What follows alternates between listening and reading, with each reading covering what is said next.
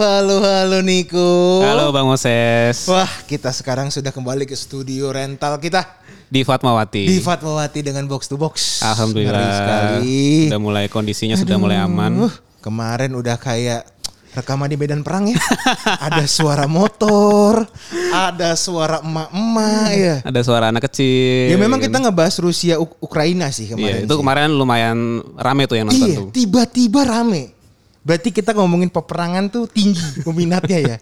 Kan orang-orang pada kepo bang. Ini apa sih sebenarnya terjadi kan? Iya. Nah, ini sebelum kita ke narasumber nih, kita mau mention dulu ya kan, Roof sama RCT Plus. Ya, thank you Ruf sama CT Plus sekarang sudah jadi media partnernya podcast Kotak Masuk. Is, Jadi selain platform Spotify dan Apple Podcast, Kotak Masuk bisa juga didengerin di Ruf sama CTI Plus. Dan langsung didengerin hampir setengah eh satu tim bola lebih. Iya. Ih, ngeri, ngeri, ngeri, ngeri, ngeri.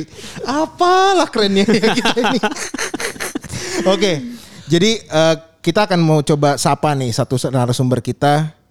Silakan, Bang siapa namanya? Halo Bang Moses, Bang Niko. Ketemu lagi nih. Gua kenalin Iya nih. Asep Nur Hakim. Ya, HR yang eh, tidak berkiblat pada siapa pun.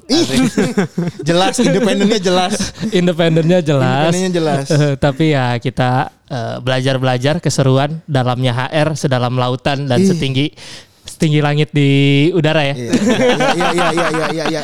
Tapi lu tahu kan palbis-palbis kayak gini nih, Nick ya? Iya. Sebelum dia nikah, hampir semua cewek cantik di perusahaan lama kita, eh lama gue, Sama lu ya. pasti kenal Bang Asep. Pasti. Gue sampai iri tuh nggak lo? Anjir kok model-model Itulah ini- nikmatnya jadi HR, Bang. Oh, gitu ya? Iya.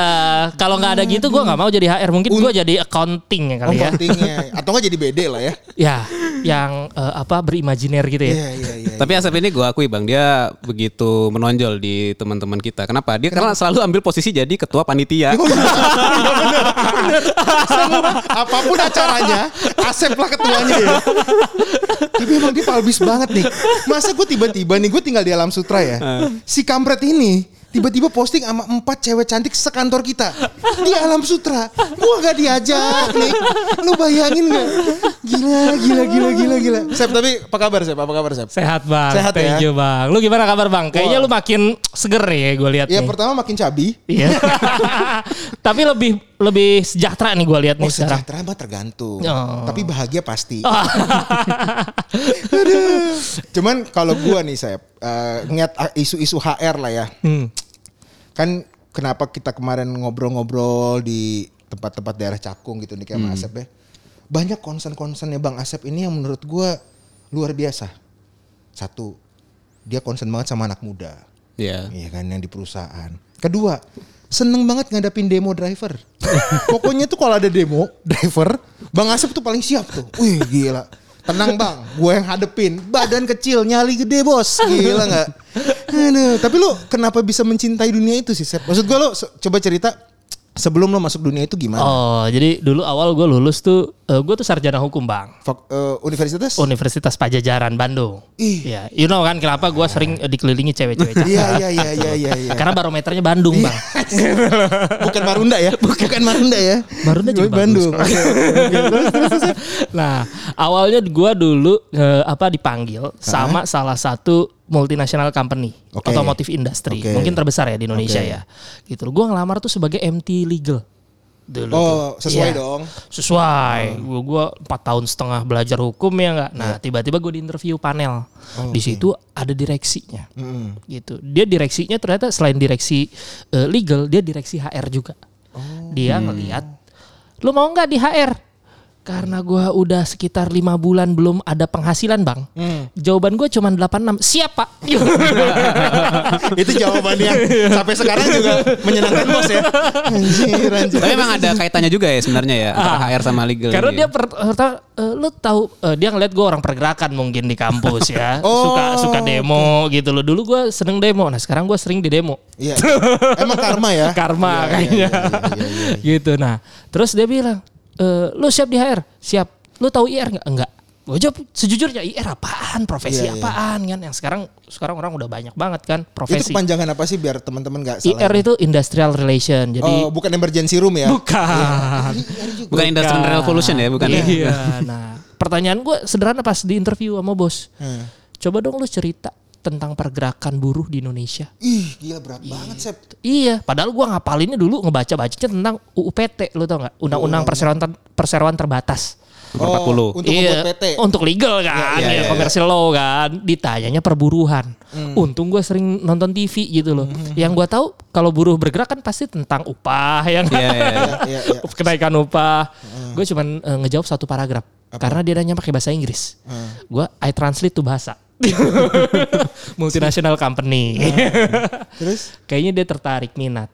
Terjunlah gua di dunia IR, industrial relation ini yang hubungannya sama perburuhan, sama apa buruh gitu loh, komunikasi. Ya di situlah gua awal mula terjun te- eh, apa gua menggeluti dan gue menyukai kebetulan. Jadi padahal gue sukanya bagian aspek litigasi gitu ya, itu apa tuh? advokasi. Bahasa bahasa gitu. bahasa awamnya apa? Litigasi, advokasi. itu apa? Litigasi itu eh, proses persidangan. sidang, sidang berarti ada Sidang, sidang. ada kasus gitu dong berarti ya. Ada kasus-kasus tentunya hanya memang kalau di multinasional company sangat dihindari ya kalau kasus eh, masuk ke pengadilan gitu. Ya gua eh, gitulah di R sampai akhirnya gue belajar eh, pindah ke perusahaan selanjutnya. Nah di sini gue belajar banyak nih. Hai. Terus sorry gue mau ya. nanya nih, sebenarnya eh, kategori buruh itu apa ya? Maksudnya gua sama Moses kategorinya buruh atau bukan? Kita buruh. Ya, ya. Oke oke oke. Eh, tapi kalian juga sebagai pengusaha, Heeh. karena kalian udah punya dun- punya usaha yang Iya. dikelola. kan. Tapi satu sisi kalian juga masih buruh, karena kalian masih diupah gitu. loh. Sepanjang orang yang diberikan upah oleh pengusaha itu disebutnya buruh. Kecuali dia pengusaha. Ya bahasa kerennya karyawan. Oh. Oh, Kalau misalnya oke. ada yang ngaku-ngaku direktur, gitu loh. Direktur iya, tapi direktur hari ini kebanyakan pun direktur karir atau karyawan yang statusnya direktur. Gitu bang. Jadi dia bisa nih kalau dia maki-maki bos-bos, dimaki bos-bos ya kan. Anda masih buruh, yoi. Ah, Pernah tetap- kayak gitu? Tetap tidak bisa. Jangan nyari, jangan, jangan nyari masalah bang. jangan, jangan, Jangan, anak jangan, saya jangan. masih balita semua. Inilah kalau udah di dalam sangkar emas nih. Kadang tuh yang bernamanya koperasi di depannya tuh itu menolong keluarga kecil. Kadang menolong, kadang kok gak selesai-selesai kawan ini. Nggak, Oke. tapi enaknya gini, kita punya direksi kayak gitu. Mereka tuh mau ke kita. Apa tuh wong gitu? Wongke tuh kayak dia memanusiakan. Kayak beda ya kalau misal dia ya yang gua rasakan di perusahaan yang saat ini, Iya. wah dia punya value yang dipegang. Nah, itu yang ngebuat Ih, gua ih, ih, stay ih. tune. Pinter banget. Bos, akhir tahun, Bos. Iya, iya. Kayaknya PK masih jauh sih. Udah dari sekarang. Cuman Sep Sep, lo kan tadi kan ceritanya kan dari IR, HR gitu ya. Gue menarik satu sih sama lo, karena gue juga pernah ngalamin HR yang satu yang udah meji, udah senior lah ya, HR senior. Ya. Terus ada HR yang muda dan lu sangat muda nih gue cuma mau nanya satu Sep, misalnya ada karyawan yang kepala batu lah, yang kepala batu lah, dan umurnya udah di atas elu. Apa yang lu lakukan? Karena kan maksud gua kan kita nih umur-umuran 40 ke bawah lah ya. Misalnya yang udah umur lim- 40, 45 gitu, kepala batu lah, nggak mau ngisi form lah, atau enggak dia nggak mau apa datang meeting lah, apalah, apa sih yang bisa lo lakukan Sep? Gini, eh, kalau gua ya, eh, secara apa yang gua yakini Iya. sebelumnya, semua orang tuh bisa berubah, gitu loh. berubah entah itu dia berubah dengan secara sukarela, kepentingan eh, dirinya, atau secara dipaksa, Oke. gitu loh. Oke, oke, Jadi oke. Nggak mungkin tuh ya dalam satu company itu nggak ada yang eh, namanya orang yang eh, nggak ada yang detut detutnya gitu loh. Detut apa tuh orang-orang yang bebel lah istilahnya ya. kurang produktif lah. Ya nggak produktif. Oh. Pasti di setiap perusahaan tuh ada aja karena kalau nggak ada dia kita nggak dianggap sebagai orang produktif. Kebayang? kan? Karena ada ban Oh iya, iya, ya. bener juga ya teorinya dia. Jadi kayak, kalau ada orang yang be- bego ibaratnya ya, kita nggak dianggap pinter. Iya, iya, iya. Iya dong. Betul. Lu bisa dikatakan nih kalian jenius lah ya. Ya, misalnya, Gitu. misalnya, misalnya. ya. Ya karena kalian punya Pembanding. pembanding, Ya. pembandingnya yang biasa eh, Biasa-biasa kepintarannya aja. biasa biasa Ya, aja ya, gitu. ya, Makanya kalian dianggap jenius. Nah, tadi lu bilang orang nih batu. Kenapa? Karena ada yang nurut. Oh, iya, iya, iya, iya. Karena dia omongin apa-apa batu aja ya, Ya, diam gitu jadi ya. kita bersyukur kalau misal ada yang batu artinya masih ada yang nurut. coba nih, coba lo tes. Gua udah mulai agak-agak speechless. nih. Tapi tadi pertanyaan lu gue jawab ya eh, singkat ya. Kalau misalnya ada yang batu, ya kalau HR dan gue belajarnya lamanya memang gue lama di IR bang. Iya, Gua tuh itu kan serikat-serikat buruh. Iya, gue tuh orangnya orangnya eh, apa people oriented lah, Hmm. gitu loh. Jadi semua orang tuh bisa diajak bicara. Semua ya. Semua orang bisa Iya, dibi- iya. diajak bicara. Bahwa dia nanti mau berubah butuh waktu, Iya. ya kita lihat. Tetapi perusahaan punya target. Ih. Bedanya kan gitu. Sepanjang dia berubah dalam target yang memang kita bisa tolerir, ya kita eh, kita appreciate dia. Tetapi kalau enggak, ya punish and reward, eh, reward and punishment aja kita eh, siapkan. Gue gue tuh mau ngomong dari tadi ya. Ini ajarannya A gitu misalnya. ya. Cuman mulut gue terkunci tuh. gue takut nih. Karena ini kayaknya mak sekolah kali kaw- kawan ini. Udah pintar ngomong ya bang. Ih pinter kali ngomongnya ya kan. Kan diajarin abang. Tapi kalau boleh misalnya apa disaringkan ya eh, Bang Asep ya. Kita kan sebenarnya kan harus ada kayak kepatuhan ya terhadap regulasi Ya. dari pemerintah kan mengenai Ya. tenaga kerja.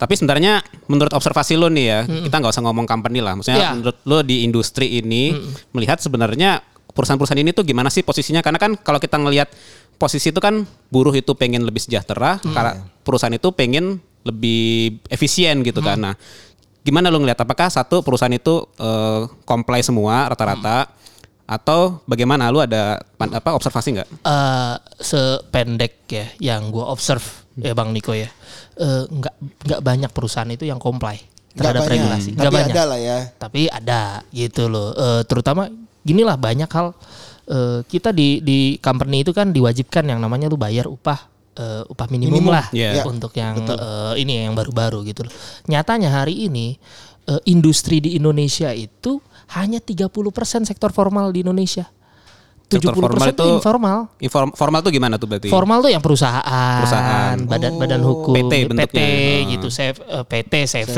iya, gitu iya. loh ya kan. 70 persen gak ada yang pakai Tujuh puluh persen tuh informal kita. 70 informal tuh kita UMKM kebanyakan. Oleh karena Hmm. itulah muncullah omnibus law. Karena apa? Salah satu spiritnya adalah, ini gue buat aturan, Ya. gitu loh. Tetapi aturan yang tidak bisa applicable ke seluruh eh, apa pelaku usaha sebenarnya. Iya, iya, Makanya ini yang berat ya. Satu kita pengen fleksibel, Iya. tapi satu harus comply, harus ada jalan tengahnya. Omnibus. Hmm. Gua nggak bicara bahwa omnibus law pro pengusaha atau Iya. me- eh, memberatkan Nggak ke sana, pekerja yang ke sana. nggak ke sana ya. Hmm. Tetapi memang nyatanya gitu loh, nggak banyak perusahaan yang comply. Gitu loh. Cek aja di eh, apa di pengawasan ya, gitu. Nanti yang dekat-dekat nih bakal kita bakal THR nih.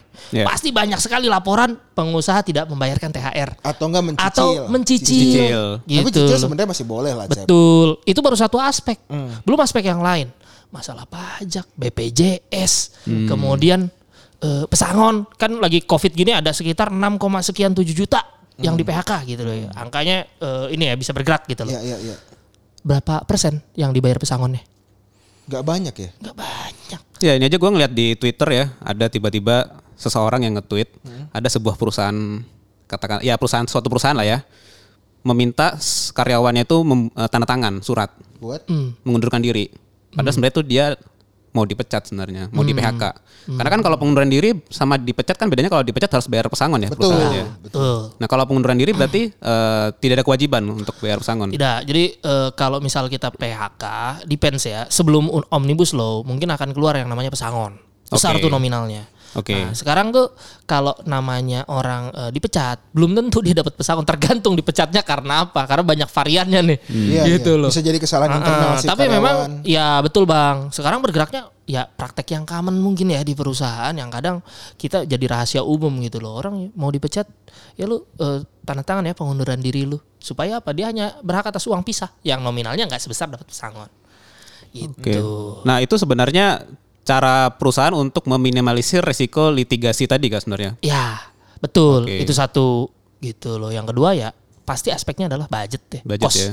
Gitu loh. Iya sama kalau dari sisi pengusaha mungkin ngeliat tadi ya banyak aspek lah kalau karyawan itu harus dirisainkan lah ibaratnya. Bisa jadi dia udah SP3 kan Sep, ya kan? Atau enggak memang sudah tidak bisa di-develop lagi atau kondisi perusahaannya juga mau bangkrut ya kan. Harus dilihat dari segala sisi, tapi cuman gue coba mention yang satu nih Sep. Ini kan udah bulan Maret nih. Ya. Rata-rata udah pada panik nih. Nah, namanya lapor pajak. 31 Maret ya Bang. Iya. Gue aja baru buat kemarin. itu tuh kalau di perusahaan yang lama ya, Waktu itu lo juga ada di situ kan. itu dikasih amplop coklat nih. Awalnya gue nggak tahu tuh amplop apaan nih. Awalnya ya, awal gue kerja ya, gue nggak tahu kan. Ini amplop apa sih ya kan? Pas gue baca, kok cuman tulisan angka doang, mana duitnya, ya kan? Awalnya gitu tuh.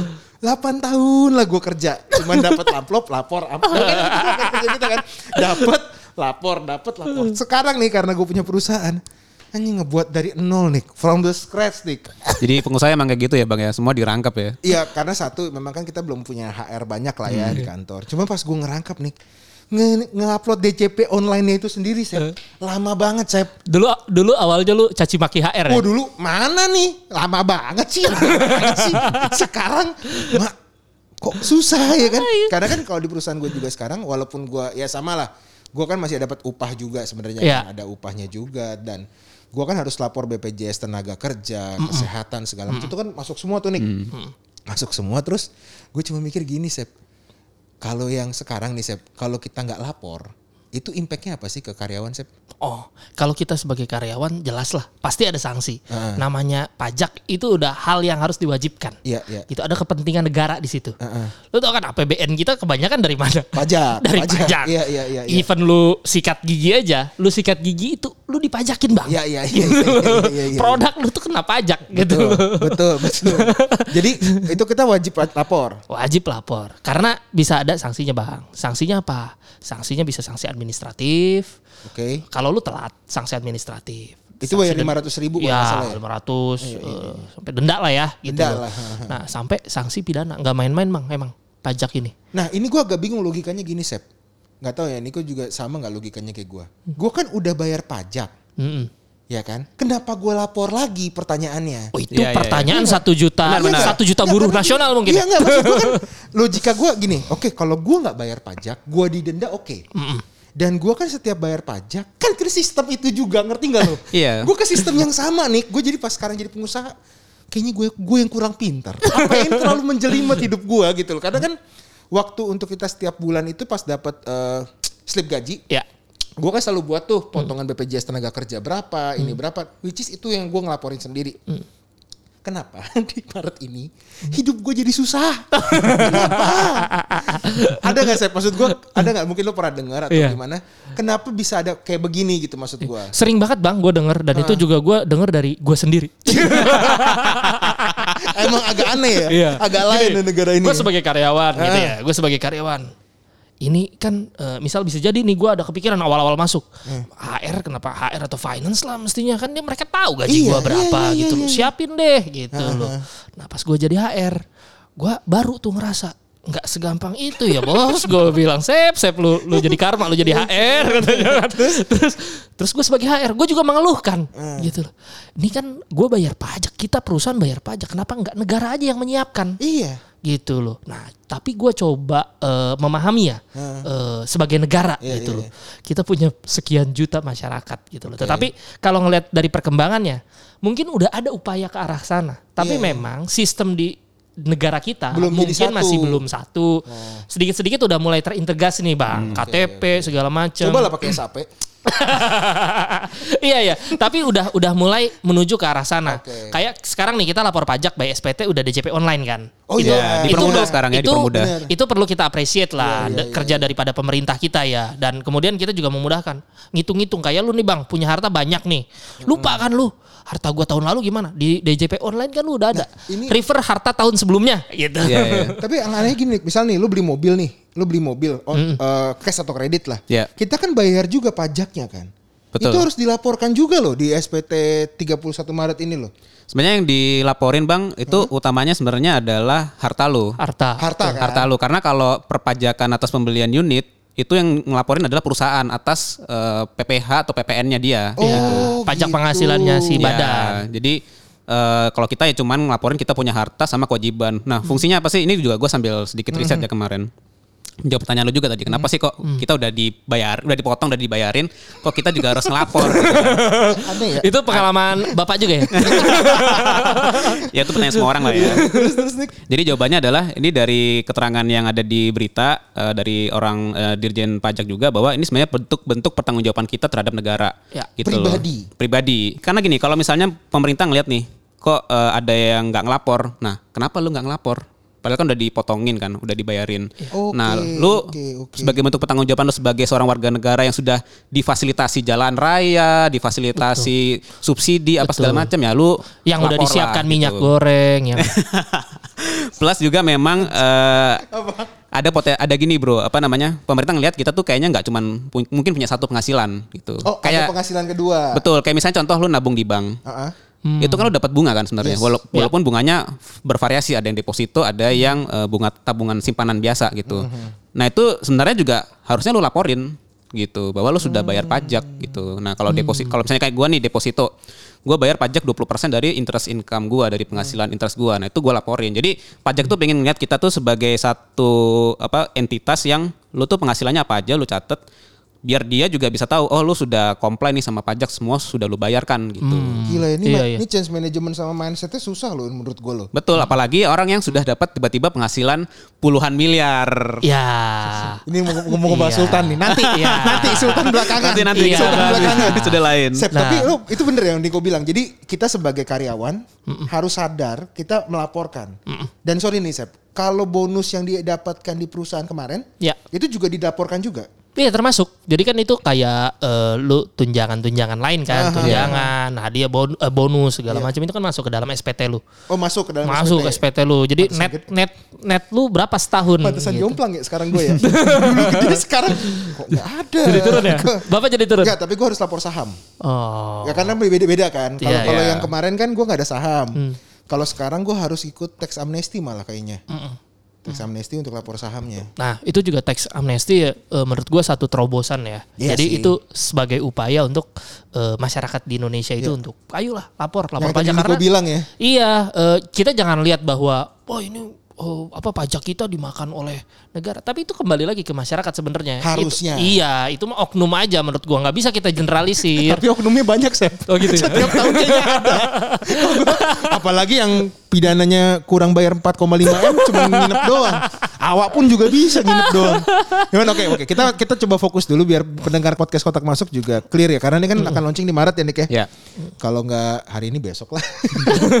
biar aware atas pajak ini. Berarti kalau kita nggak lapor, misalnya nih gue punya warisan. Tiba-tiba punya warisan. Nah warisan itu harus gue lapor. Lapor. Lapor. Oke. Itu kan bagian daripada harta lu. Oke. Dan kalau gue nggak lapor, ya lu kena sanksi gitu. Sanksinya? Bias, awalnya tuh administratif tuh gini, si pajak itu akan ngemail lu dulu gitu. eh gue dapat masalahnya. Iya. gue dapet, gue ngeri. Apakah nih. ada kekurangan eh, atau Iya, ada iya, harta yang belum dilaporkan Betul, sebelumnya betul. kekurangan Betul, gitu. iya, Nah, iya. itu lu udah warning tuh. Ya apalagi kondisi sekarang kan pemerintah Butuh. butuh uang kan. Iya, Jadi iya, iya. semakin dia butuh Makronya uang, tuh itu tuh. semakin dia berusaha ngejar eh, siapa pun itu yang pendapatnya gede. Berarti kalau Bang Moses dikontak gede nih berarti Iya. ini kan. Enggak, enggak. Gue kayak cuma dejavu aja. Dulu gue kolek AR customer. Even lu gua- punya jam tangan Rolex lu nih, Bang. Anjir. Tolong Garmin, itu gue hajar lo Garmin. Anjir.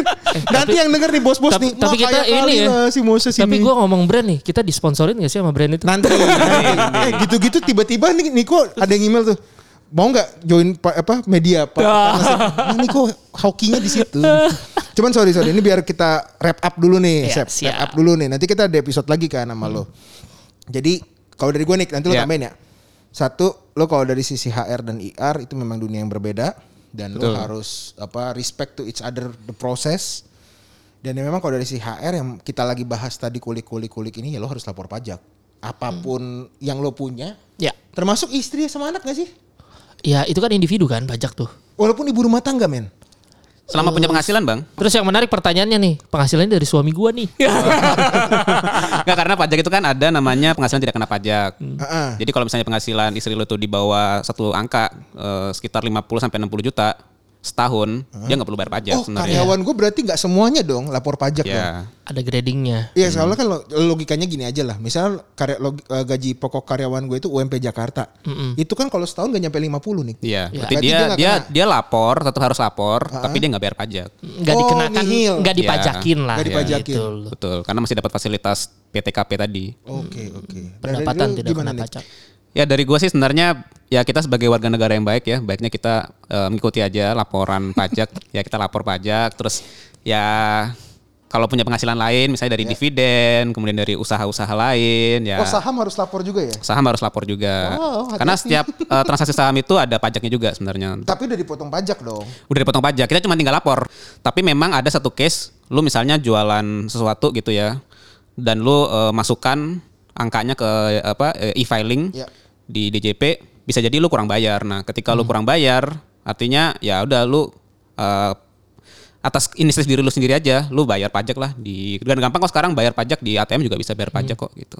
Serius tuh. Iya. Oke, oke. Dari lo Sep, mungkin ada untuk tips sama trik untuk teman-teman apa ya pajak tuh ya eh, mungkin seolah-olah kita repot ya tetapi itu adalah dirasakan juga untuk masyarakat lah betul. intinya gitu untuk pembangunan negara kita kalau nggak ada pajak kita mungkin nggak akan lihat gedung-gedung kayak sekarang nih di Jakarta jembatan. Bentar, kalau dia bangun swasta sih emang swasta yang bangun Sep. Swasta yang bangun. Ibu kota baru kali maksud lo. Oh, saya nggak mau masuk ke aspek politik. Tapi poinnya saya bener nih, mungkin satu satu kesimpulan juga ya. Maksudnya gini, kita kan bicara kadang-kadang kan ada opini negara jangan banyak berutang dong. Iya. Nah, kalau lo mau negara nggak banyak berutang, ya lu bayar pajak lah Dan lo lapor. dan lu lapor Iya, gitu. Gitu. Dan eh, sekarang nih ya lu kalau punya harta banyak nggak usah lalu ria-ria pamer-pamer lah di medsos. gitu. loh. Flexing. Gitu. Itu itu eh, soalnya itu lu cuman mengundang aja. Iya. Mengundang orang pajak datang ke tempat lo. Iya, iya, iya. Oke, oke. Thank you Sep untuk episode ini. Thank you, Thank you, Bang Moses. Sampai Sampai ketemu lagi. Sampai ketemu di